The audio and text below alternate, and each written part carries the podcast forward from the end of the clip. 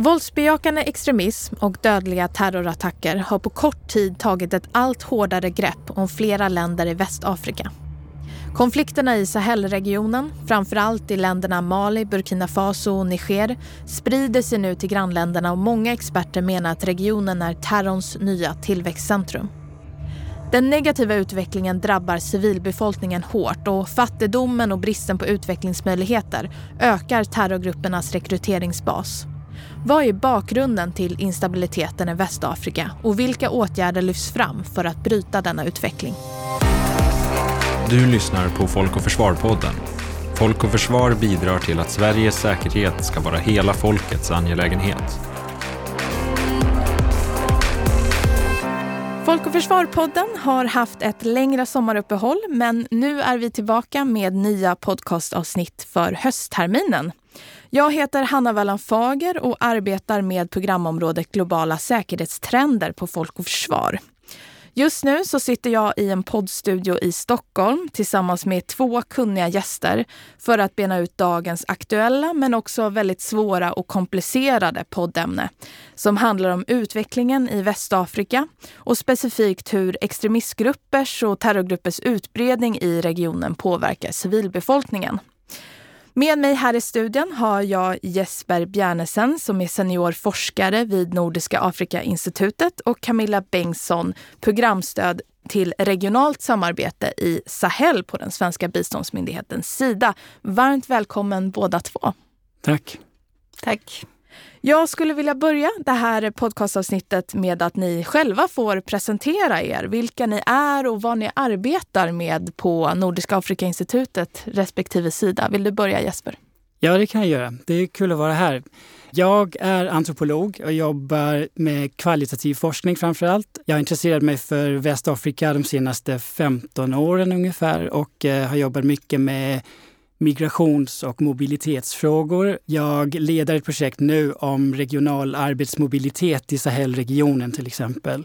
Sen så har jag också ett intresse av folkliga protester och proteströrelser i samma region. Och eh, empiriskt har jag jobbat mest i Burkina Faso och Elfenbenskusten men också haft det här intresset för Sahelregionen som, som en region. Liksom. Tack. Mm. Camilla?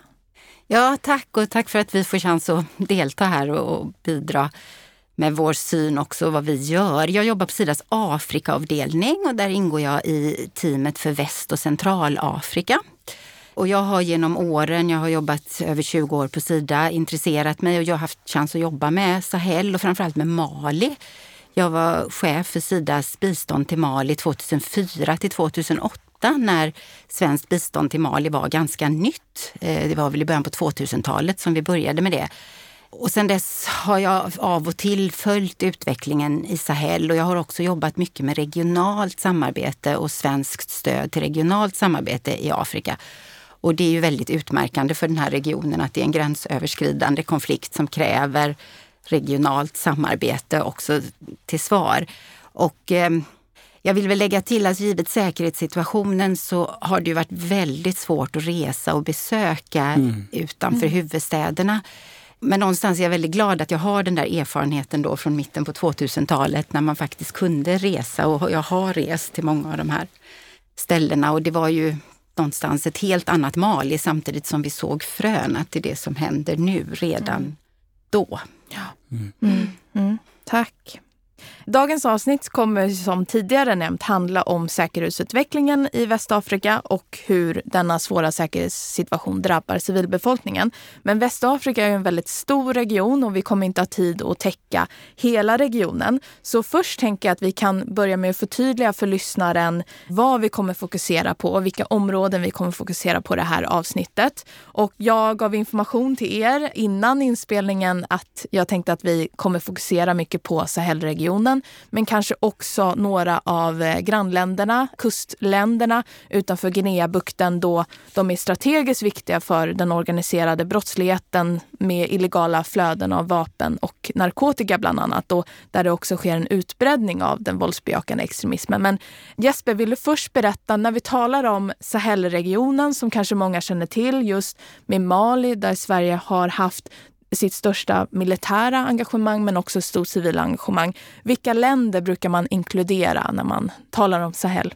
Ja, precis. När, när, när nu Sahelregionen har fått så stor, eller relativt stor uppmärksamhet internationellt så pratar man ju oftast om en avgränsning även av den geografiska Sahelregionen. Så då är det ju oftast Mali, Burkina Faso, Niger och Chad som man pratar mest om, ibland Mauritanien också. Men geografiskt sett är Sahel ju en, ett bälte som sträcker sig eh, genom hela Västafrika från Mauritanien i väst och ändå till Sudan i, i öster eller ja, den delen av, av kontinenten. Så det är liksom ett, ett bälte som sträcker sig söder om Saharaöknen eh, geografiskt sett, men sen då är det vissa länder som man lyfter fram mer. Så till exempel pratar man om ett G5 Sahel-samarbete som har varit relevant nu militärt. Det kan vi mm. ju prata mer om sen. Så att, eh, lite beroende på om man pratar politiskt, säkerhetsstrategiskt eller geografiskt så betyder Sahel olika saker. Mm, mm.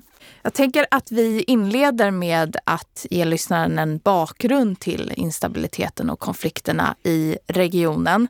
Och ni har nämnt Mali, Niger, Burkina Faso. Där ser vi den största ökningen av dödligt våld och terrorism i, i världen. Men att vi ser också en utbredning av våldsbejakande extremism och eh, terrorattacker även till andra länder. Just vid Guineabukten som exempelvis Benin och Elfenbenskusten. Men vi, skulle ni inledningsvis vilja beskriva vilken säkerhetsutveckling vi har sett de senaste åren? Vill du börja Jesper? Man brukar säga att Mali är epicentrum i säkerhetskrisen i Sahelregionen. Det har funnits islamistiska grupperingar i regionen långt tillbaka i historien. Men man brukar prata om 2012 som ett ganska avgörande år för eskaleringen av jihadistiskt våld i regionen i samband då med att en rad olika tuareg-grupper i norra Mali försökte att, att um, ta över makten helt enkelt i frustration uh, över att ha varit marginaliserat politiskt i landet under decennier. Det var också där att Frankrike intervenerade mot slutet på 2012, början 2013 för att bistå Malis regering eller armé i att eh, bekämpa Tuareg-gruppen i norr. Det som är viktigt att förstå i bilden är att det ändå sedan dess har varit en väldigt varierad och mångsidig bild man ser i Mali. Det är en rad olika grupperingar. Vissa grupper har ett samarbete i vissa sammanhang och eh, bekämpa varandra i andra. Vissa grupper har stöd av al-Qaida, andra av eh, Islamisk stat, IS. Andra har fortfarande anknytningen till tuareg-rörelserna i norra Mali. Så, så, så, det är en väldigt liksom, komplex eh, bild och det är inte bara en enad jihadiströrelse som kämpar mot maliska staten utan det är verkligen ett extremt komplicerat läge som har haft olika så faser över de senaste tio åren. Ja, en väldigt komplex konfliktbild, ja. verkligen. Camilla? Ja, nej men eh, väldigt bra sammanfattning eh, Jesper. Det jag kanske skulle lägga till, och jag tittade lite på data inför det här samtalet, det är Ja, dels liksom att 2022 är redan på väg, eller är redan mm. dödligare än 2021 som redan var, mm. som då var rekordåret. Mm. Men om man då tittar, det finns en jättebra databas som liksom följer de här antal våldsamma händelser och antal dödsoffer och så. Och till exempel i år har det varit cirka 2000 våldsamma händelser med totalt 5000 dödsfall. Så i genomsnitt är det ju bara två till tre dödsfall per tillfälle. Vi har ju på senare tid haft en del stora attacker med hundratals döda mm. som följd. Både av ja, maliska armén mm. men också av jihadistgrupperna. Men vi får inte glömma heller alla de här mindre attackerna, alla bilbomber, alla liksom som civilbefolkningen också drabbas jättehårt av med kanske då bara en eller två dödsoffer. Mm. Och det har ju perioder varit nästintill dagliga attacker. Och regnperioden nu under vår sommar som i vanliga fall är lite mindre intensiv mm. när det gäller de här våldsspiralerna. Bara i juli tror jag det var ett tiotal attacker mm. i Mali. Så liksom det här, det sker hela tiden mm. och det är nästan omöjligt att hålla reda på. Och civilbefolkningen drabbas ju oerhört hårt. Och de gör ju inte skillnad mellan stridande och civilbefolkningen.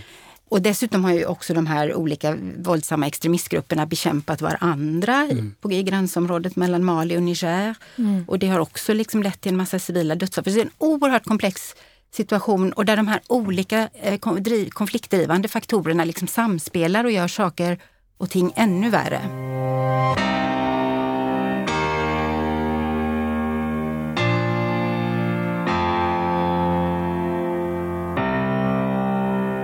Du nämnde Jesper just militärkupper i regionen och eh, Mali har haft två militärkupper på ganska kort tid. Inget demokratiskt val i eh, sikte. Eh, Burkina Faso har också haft en militärkupp och även i Guinea. Det finns en del exempel på folkvalda ledare i regionen. 2020 vet jag att Chads president dödades i strid. Utifrån detta, kan ni på ett övergripande plan beskriva den politiska utvecklingen i regionen? Vad, finns det några utmärkande trender skulle ni säga? Ja, både ja och nej och beroende på kontext då. Så på kort sikt är det ju otroligt oroväckande med den här utvecklingen därför att det krävs ju ett internationellt samarbete och ett regionalt samarbete sannolikt för att adressera den här konflikterna.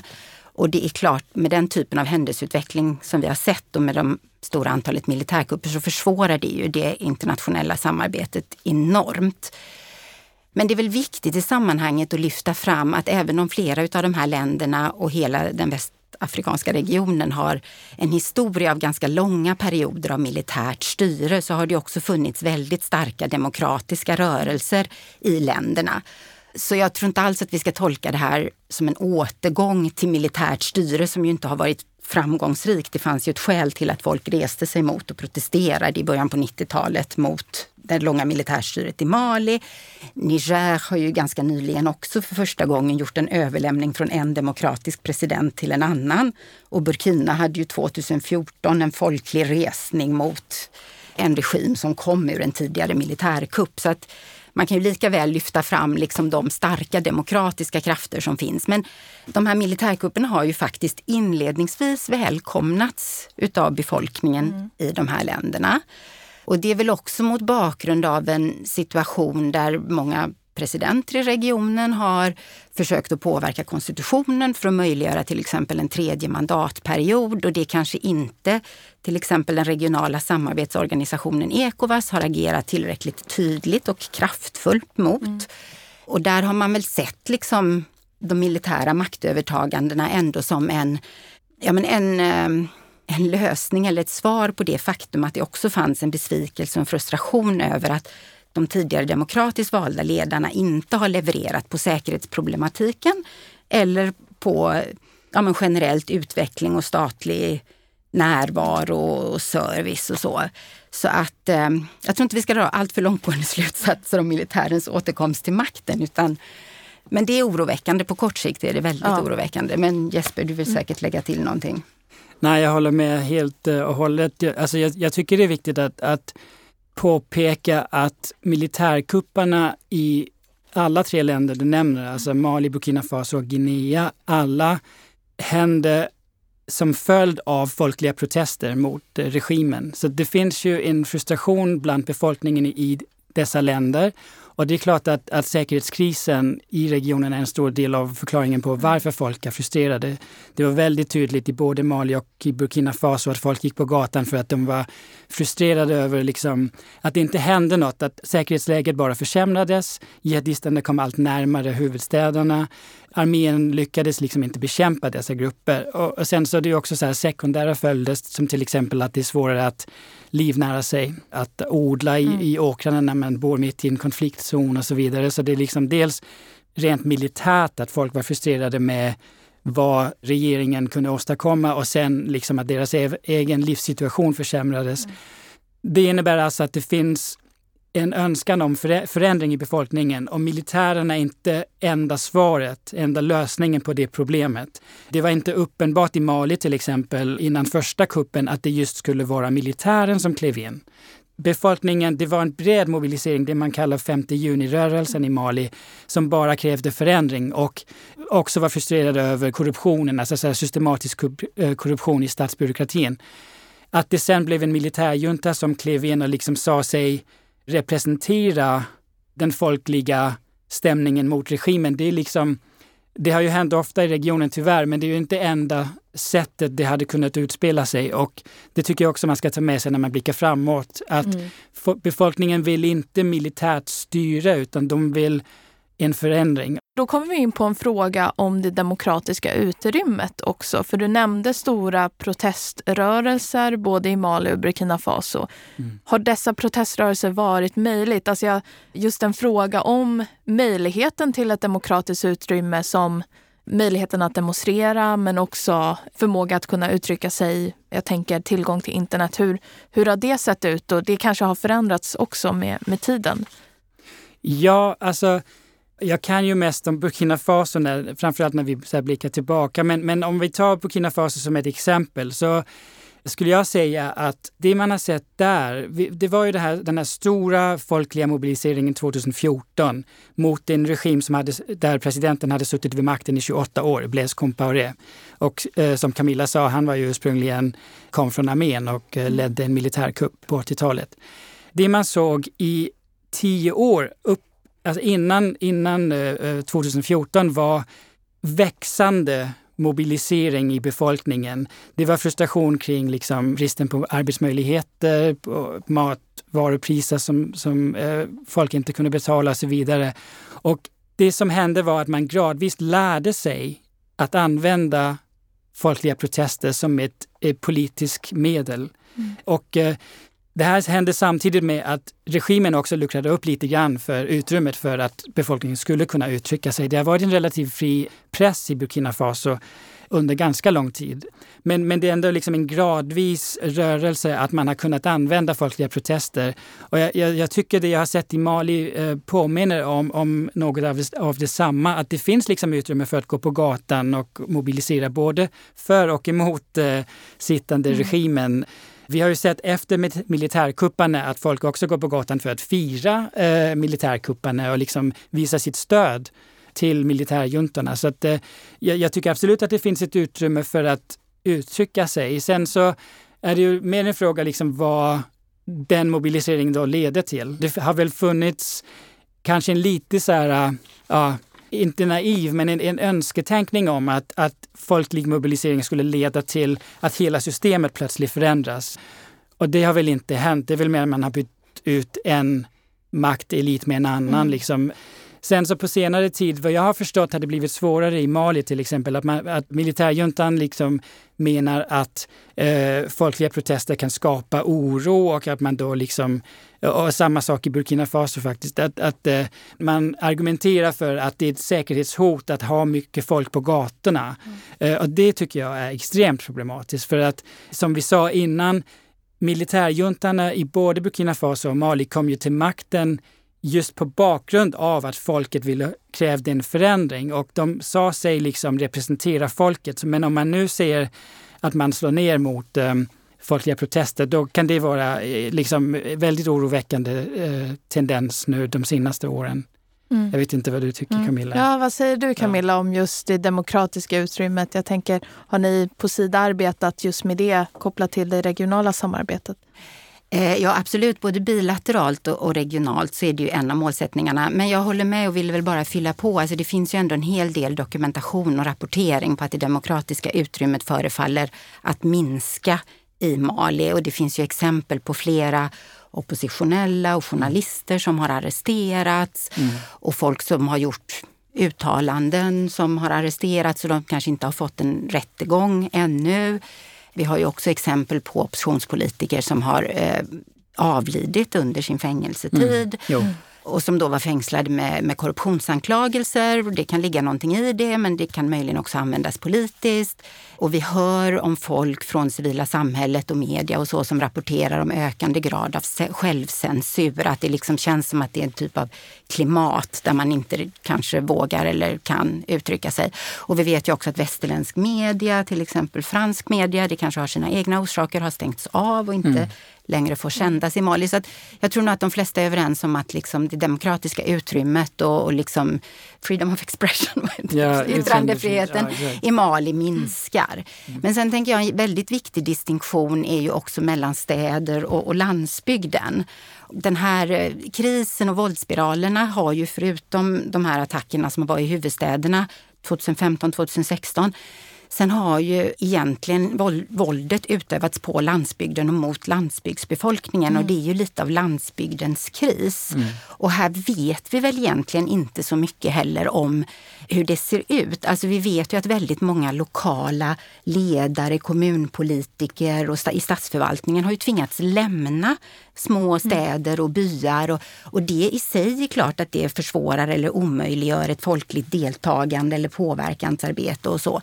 Så att jag tror, och vi vet också att de här jihadistgrupperna har ju tagit, eller liksom är mer eller mindre duktiga på att kontrollera geografiska mm. områden och rekrytera från vissa folkgrupper. Så att jag tror liksom man måste göra en skillnad. Även om Jesper, du kanske har mer information där. Jag upplever att vi vet mm. egentligen mm. inte så mycket om vad som händer ute i mer avlägsna landsbygdsändar. Mm. Men att det är en väldig skillnad mellan det och det som händer i huvudstäderna. Mm. Absolut, det håller jag helt med om.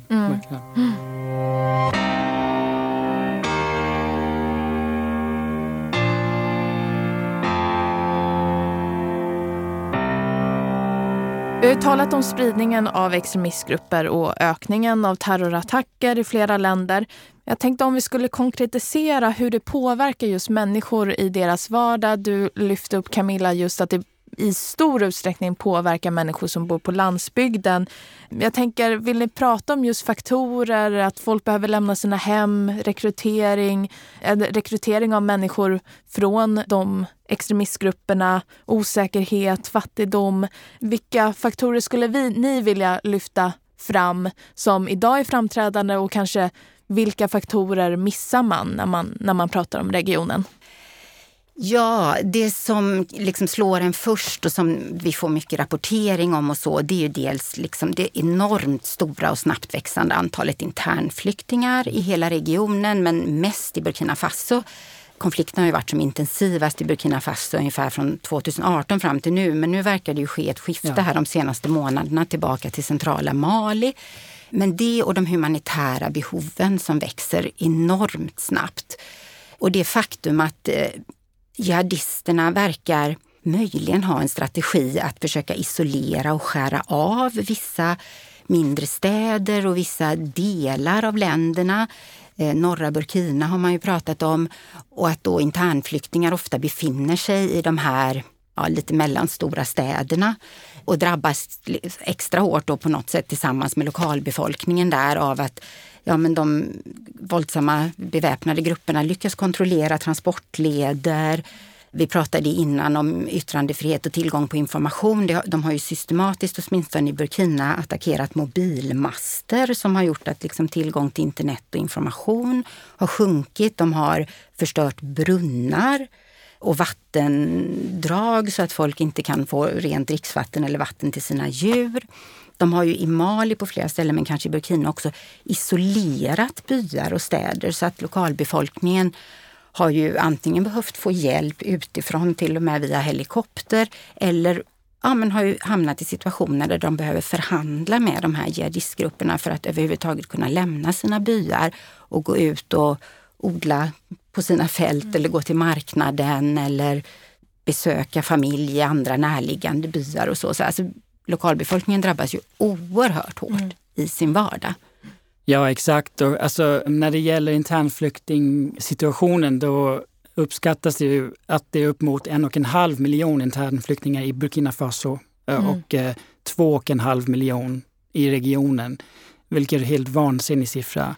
Och eh, till skillnad från tidigare så är UNHCR och andra organisationer liksom närvarande i regionen, men det är klart att de har inte möjlighet att, att eh, hjälpa den stora majoriteten av de som är på flykt. Så det i sig är ju liksom en humanitär kris och det har bland annat Guterres eh, sagt flera gånger mm. att det är en av de, största, de stora humanitära kriserna i världen just nu. Snabbast växande. Ja, mm. exakt. Men som kanske inte syns så mycket internationellt ändå.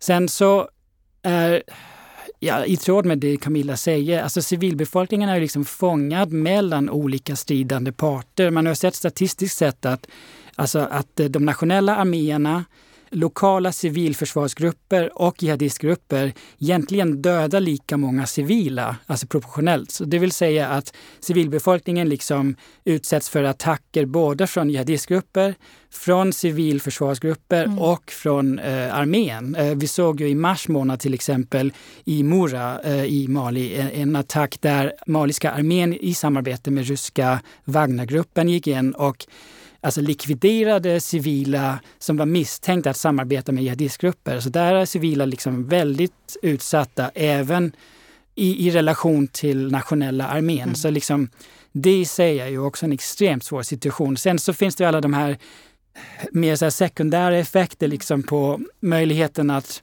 arbeta, att uh, skaffa mat och allt det här. Dels i de mest drabbade regionerna, men det är klart att det är ju också produktionskedjor som påverkar mm länderna i stort. Eh, och eh, där även liksom eh, Ukraina-krisen till exempel påverkar möjligheten för att importera matvaror. Mm. Så det är liksom, det är, det är flera, det är så många olika väldigt allvarliga mänskliga tragedier som samspelar här. Mm. Så att, och, och, och, som du säger också Camilla, att framförallt utanför de största städerna, att befolkningen verkligen är i en väldigt, väldigt svår situation.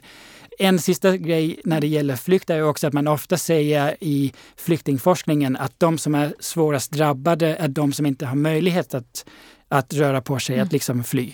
Ja. Uh, och, det, som, som mm. du säger också, det kan ju dels hända när folk låses inna mellan stridande parter eller att de helt enkelt inte har resurserna liksom att uh, de kan, har inte möjlighet att, att resa någonstans. De är fast där de är. Mm. Och det får man liksom lägga till hela den här humanitära krisen kring internflyktingar, att det finns liksom ofrivilliga, låsta mm. äh, människor som, som skulle vilja fly men inte kan. Mm. Så att, äh, ja, så det, äh, det är egentligen otroligt att jag har kontakt med, med forskarkollegor i både Mali och Burkina Faso som ändå, de är ju ofta i de större mm. städerna som säger, ja men i en viss mån fortsätter livet som vanligt och det är ju helt ofattbart att man kan ha en sån känsla mitt i ett sånt svårt säkerhetsläge.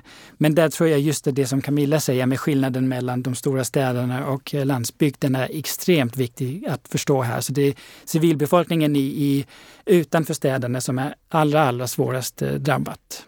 Du nämnde Jesper kriget i Ukraina och hur det påverkar eh, och, ja, det leder till stigande matpriser. Mm. Några av länderna i regionen är världens fattigaste länder. Mm. Och Enligt FNs prognoser så kommer 18 miljoner människor i Sahel drabbas av akut matosäkerhet de kommande tre månaderna.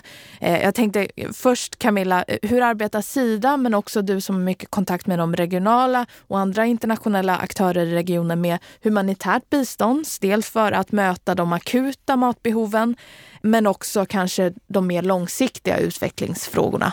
Ja, eh, det humanitära biståndet är jätteviktigt och behoven är ju stigande. Och Sida har eh, humanitärt bistånd till alla de här tre länderna som vi har pratat om i, i centrala Sahel.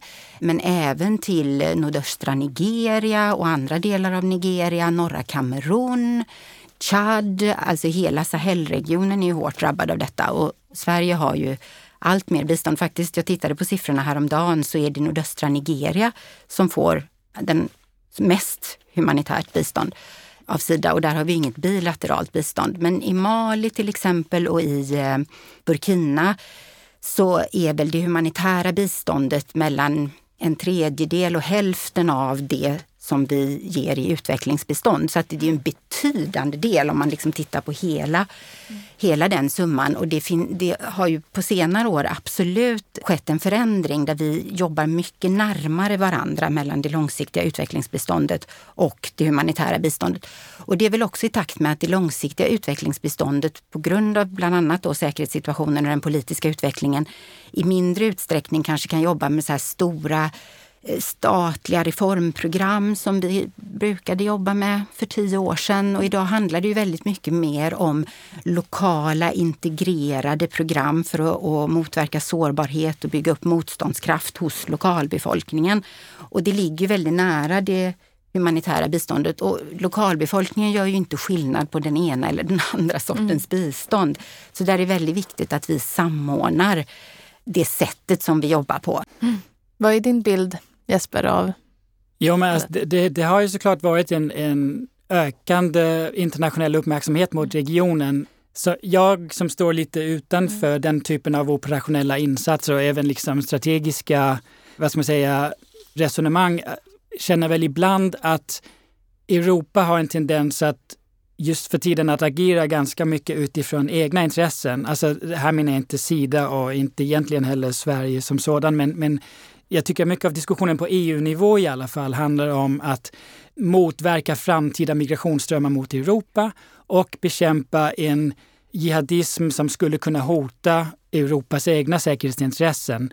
Jag säger absolut inte att alla organisationer eller aktörer liksom bara agerar utifrån från ett sådant resonemang, men jag tycker att det är strategiskt problematiskt att man tar så mycket utgångspunkt i vad ska man säga, interna europeiska intressen. För att Dels så, så, tror jag inte riktigt att, att väljarna i Europa, om man ska vara lite mer pragmatisk, pragmatisk förstår den kopplingen. Varför har Sahelregionen i Västafrika plötsligt blivit så relevant för våra europeiska intressen? Det, det är inte helt mm. uppenbart. Mm. Och dels så kan det också just skada samordningen på plats, att, att man har vissa aktörer som går in för att liksom motverka eh, smugglan, smugglarverksamheter, olaglig migration mot Europa. Andra som är mycket mer fokuserade på att bekämpa jihadism. Vissa som handlar mitt i, hamnar mitt emellan. Så att, eh, jag förstår att, att Camilla, Sida och andra liksom ibland kan ha svårt att hitta liksom en samordnad eh, insats för att det finns så många internationella intressen. Om man till det då lägger att Frankrike numera drar sig ut ur regionen militärt, i alla fall till en viss del, ja, framförallt ut ur Mali. Det, mm. alltså, Frankrikes militära insats håller ju på att liksom omstruktureras. Det är säkert många lyssnare som vet mycket om det redan, men det verkar som att en del fokus eh, flyttas mot Niger där man är mer välkommen just för tiden i alla fall. Men den omgrupperingen från Frankrikes sida, sida så har ju också lett till att bland annat Ryssland har fått mer militärt mm. utrymme i regionen och eh, framförallt genom den här Wagnergruppen som ju är liksom på alla internationella listor över ja, extremt problematiska organisationer, man ska säga det väldigt milt. Liksom. Eh, vi har ju sett i Mali till exempel att de har varit, de har, har varit delaktiga i massaker mot eh, civilbefolkningen mm. redan. Så, så att, eh, insatsen, de internationella insatserna i regionen är viktiga det finns en enorm utmaning i att samordna insatsen så det också blir, som Camilla säger, på ett hållbart sätt som inte bara, som, som i alla fall kombinerar de som är omedelbara humanitära behoven med en mer liksom långsiktig strategi för hur man också ska ta sig ut ur det här akuta läget. Det är intressant att du börjar just eh, med att det har varit mycket egenintresse. Det har blivit den här geopolitiska regionen där många har velat haft ett intresse. Skulle du säga då också, du nämnde ju lite kort det, just att man har agerat utifrån egenintresse. Har det påverkat också lokalbefolkningens förtroende och kanske lett fram till den skiftningen med mindre engagemang eh, från flera europeiska länder, inklusive Sverige och möjliggör den ryska närvaron? Alltså det som är olyckligt, och Camilla har kanske mer insyn i hur det faktiskt på, alltså hur ett sådant samarbete faktiskt ser ut. Det som jag tycker är olyckligt det är att de internationella insatserna som syns mest är de som har mest så här, symbolpolitisk värde på den internationella arenan. Så det, är liksom, det syns när Frankrike drar sig ut ur Mali. Det syns när demonstranter i Bamako plötsligt har ryska flaggor och vill bjuda mm. in Wagnergruppen. Och det är ju en dimension. Det som inte syns det är ju liksom alla insatser mer på lokal nivå, framförallt utanför huvudstäderna som ju är där liksom det långsiktiga utvecklingsarbetet har pågått under decennier och där Sverige och eh, Norden har varit extremt liksom aktiva och viktiga i regionen. Den typen av insatser och samarbeten syns inte i den här stora internationella diskussionen. Mm. Och det är inte heller den som speglas i opinionen i Sahel just nu, där man är så frustrerad och orolig för framtiden. Så det tycker jag är väldigt olyckligt att allt det positiva, långsiktiga, genuina som, som våra länder ändå bidrar med i regionen syns väldigt lite jämfört med de här stora politiska debatterna.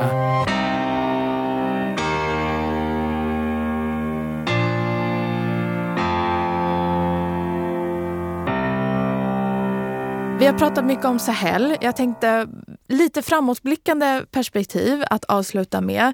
Vi har ju sett också utbredning och flera terrorattacker i andra länder, kustländerna, bland annat attacker i Benin och länder som Ghana, Togo och Senegal, där anser många experter att illegal handel och smuggling det kan leda till att jihadistgrupper kanske ökar sin närvaro i, i framtiden. Vad skulle ni säga om den? Liksom den nära framtidsutvecklingen, det kanske är väldigt svårt att säga om, men vill ni säga någonting kring det? Oh, ja, det är himla svårt. Alltså, om, om man tänker Västafrika i stort så är det klart att det i alla fall de senaste 30 åren har mm. funnits en trafik av vapen, olika droger, mm. som ibland syns mer och ibland syns mindre. Det finns en kokainhandel från Guinea-Bissau till exempel upp mot Europa mm. som har ökat men som har funnits länge och så vidare. För mig, det, det, är klart att det är problematiskt men, men man måste också liksom skilja på vad är effekterna av säkerhetskrisen i Sahel just nu och vad är liksom lite mönster som man har sett över mycket längre tid. Mm. Jag tror inte att, att eh, om man nu fokuserar på att det finns ett utrymme för jihadistgrupper utanför den omedelbara centrala Sahelregionen, då är det väl en viktig del av att försöka begränsa den här våldsspiralen, att försöka begränsa den geografiskt också samtidigt med att man bekämpar den i de mest drabbade eh, regionerna i centrala Sahel. Så, så det är väl bra att det finns en uppmärksamhet. Jag tycker inte att man kan använda den observationen till att säga att liksom hela Västafrika är på väg mot eh, ett håll där det blir mer och mer kaos och mm. mer och mer liksom osäkerhet. Um, återigen måste man liksom komma ihåg att det som folket i även de mest drabbade länderna kräver är ju stabilitet och egentligen demokratisering. Om man kollar på Afrobarometers eh, eh, resultat de senaste tio åren så är det liksom en tendens att den stora majoriteten önskar demokrati. Mm. Så det får man inte glömma bort. Så det är liksom inte en region på vägen i kaos. Attackerna i eh, kustländerna det som har hänt, på 90-talet var det ju liksom kustländerna i Västafrika som var drabbade av, av uh, inbördeskrig och uh, destabilisering. Man har ju sett en politisk stabilisering och ekonomisk växt i många länder, Ghana, Elfenbenskusten framför allt. Jag har väldigt svårt att se att, att kustländerna i, i Västafrika plötsligt skulle bli liksom så pass destabiliserade som, som de har varit förut och som vi har sett i Sahel nu. Jag tycker inte det är det som är bekymret. Om man ska välja, tvinga in lite mm. optimism här, så tror jag ja. att det som spridningen av våldet kan leda till, det är att de mest resursstarka länder i regionen faktiskt involverar sig mer. Vi har ju sett Elfenbenskusten lite misslyckad just nu, men har försökt att engagera sig mer militärt också i eh, kampen mot jihadism i Sahel. Och jag tror faktiskt att det kan vara positivt att regionen och, och kanske genom Ecowas, då, mm. den västafrikanska samarbetsorganisationen, kan bli liksom tvingade in i en mer aktiv roll um, i, i, att stabilisera uh, regionen. Du ska få kommentera det också Camilla, men också som en sista fråga där. Vilka åtgärder skulle ni säga lyfts fram just för att bryta utvecklingen? Men först om, om framtidsspaningarna och sen vilka åtgärder, Camilla, som, som du har hört lyfts fram. Mm. Nej, men jag delar väldigt mycket det du säger i termer av vad man, ett positivt scenario.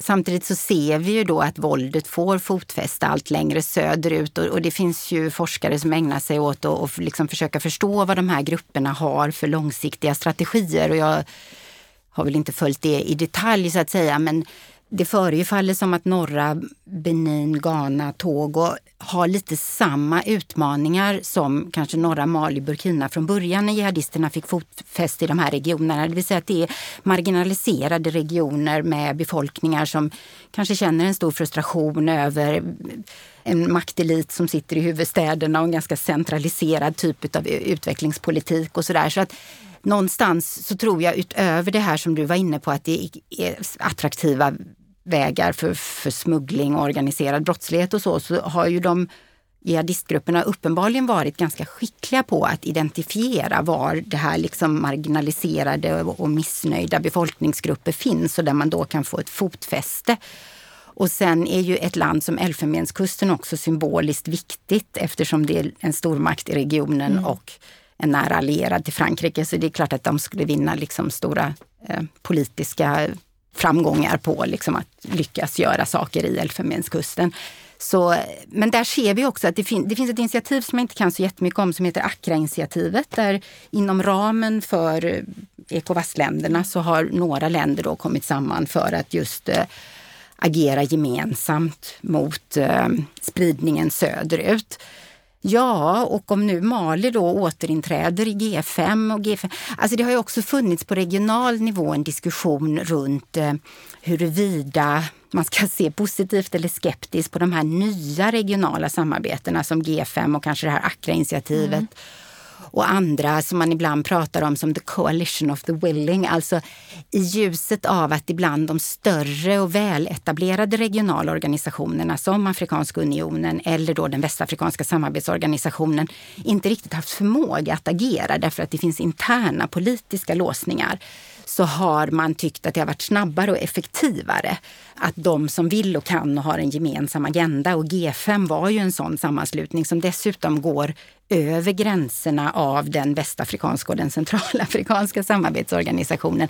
Vilket ju behövs för att mm. adressera de här utmaningarna. Jesper, vill du lägga till något avslutningsvis om någon åtgärd som, som du har sett lyfts fram? Det jag gillar med samtalet idag är att man hade kunnat rama in en diskussion kring Sahels mm. framtid genom att prata om guld i regionen och radikalisering. Och det har vi gjort i väldigt liten grad idag. Det tycker jag är väldigt viktigt. Så jag tycker snarare jag liksom vill lyfta att det är viktigt just att peka på de här grundläggande samhällsmässiga dynamikerna under konflikten snarare än det som kanske ibland lyfts för mycket som är att det här handlar om, om en, en kamp om tillgång till en mm, värdefull Resurser. naturresurs mm. Mm. eller en, en liksom religiöst uh, ideologisk motivering. Så det tycker jag också man ska ta med sig när man blickar framåt. Att, att, alltså, det som händer i framförallt i Sahelregionen är ju att det finns en guldindustri och en gruvindustri som kan bli en ekonomisk motor i regionen. Och där måste man ju också dels kunna liksom säkra att inte de resurserna faller i, i jihadisternas händer men också att man utnyttjar den värdefulla resursen på ett sätt som gynnar befolkningen och inte bara internationella företag eller den politiska eliten. Naturresurser är i spel, men det man också har lärt sig av konfliktforskning i Västafrika längre tillbaka är att de är sällan liksom drivande i konflikterna. Det tycker jag mycket om i stämningen eller mm. samtalet vi har haft idag, att det inte blir för mycket fixering på just naturresurser. Mm. Samma sak med eh, radikalisering, att det man ofta ser är att alltså, när rekrytering lyckas i en väldigt fattig eh, region, då är det sällan den ideologiska motivationen som är drivande utan det är behovet av att tjäna pengar och att skydda sina lokalsamhällen. Och det tycker jag också att det man har sett i Sahel. Så att, eh, det tycker jag liksom är viktigt att, att, ta med sig från, från samtalet idag. Att, att eh, vi just pekar på de här, liksom, att säkerställa en demokrati där folkets eh, vilja och röst kan komma till tals och att, att man liksom stabiliserar säkerhets läget nedenifrån eh, mm. genom samarbeten på lokal nivå, inte bara genom de här stora geopolitiska maktkamperna. Mm. Jag håller helt med dig om att det är skönt att vi inte bara pratar mineralresurser men samtidigt när vi pratar om naturresurser så är det ju, men det stärker det du säger Jesper, för att mm. väldigt mycket om konflikten handlar ju om kampen om de här liksom enkla grundläggande naturresurserna som ja, mark och vatten mm, och mm, transportvägar. Mm. Och där behövs ju en tydligare politik och det behövs en tydligare liksom styrning utav hur olika folkgrupper får tillgång till detta. Och där tror jag också att biståndet faktiskt kan hjälpa till mycket på lokal nivå och bygga upp den typen av lokala konfliktlösningsstrukturer. Men det krävs samtidigt också en, en regional politik mm. som, som främjar detta. Mm. Men så, alltså det här med naturresurserna och en, mer rätt, en politik för en mer rättvis fördelning av och tillgång till de här väldigt grundläggande mark och mm. vatten. Mm. Mm. Eh, och för både boskapsskötare och bofasta jordbrukare är helt grundläggande. Mm. Och det är faktiskt en hel del av vad Sida håller på med. Hållbart eh, lantbruk och hållbar utnyttjande av naturresurser är en väldigt stor del av vad vi jobbar med i de här länderna.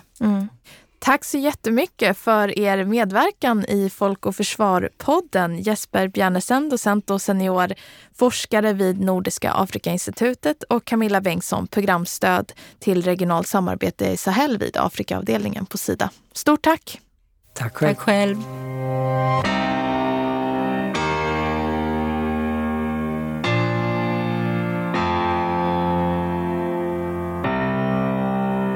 Det var allt för det här podcastavsnittet där vi har fördjupat oss i frågan om säkerhetsutvecklingen i Västafrika och hur det påverkar civilbefolkningen i regionen. Det här var det första avsnittet för den här säsongen. Från och med nu så är vi tillbaka med nya avsnitt av Folk och Försvar-podden som vi kommer att släppa varannan fredag. Om du som lyssnare vill ta del av mer av vår verksamhet på Folk och Försvar rörande säkerhet, försvar och krisberedskapsfrågor, gå då in på vår hemsida www.folkoförsvar.se. Du kan också följa oss på sociala medier där vi heter Folk och Försvar. Tack för att du har lyssnat. Du har lyssnat på Folk och Försvar-podden. Podden är skapad av Hanna Wärland Fager. För att ta del av mer av vår verksamhet, besök vår hemsida www.folkochforsvar.se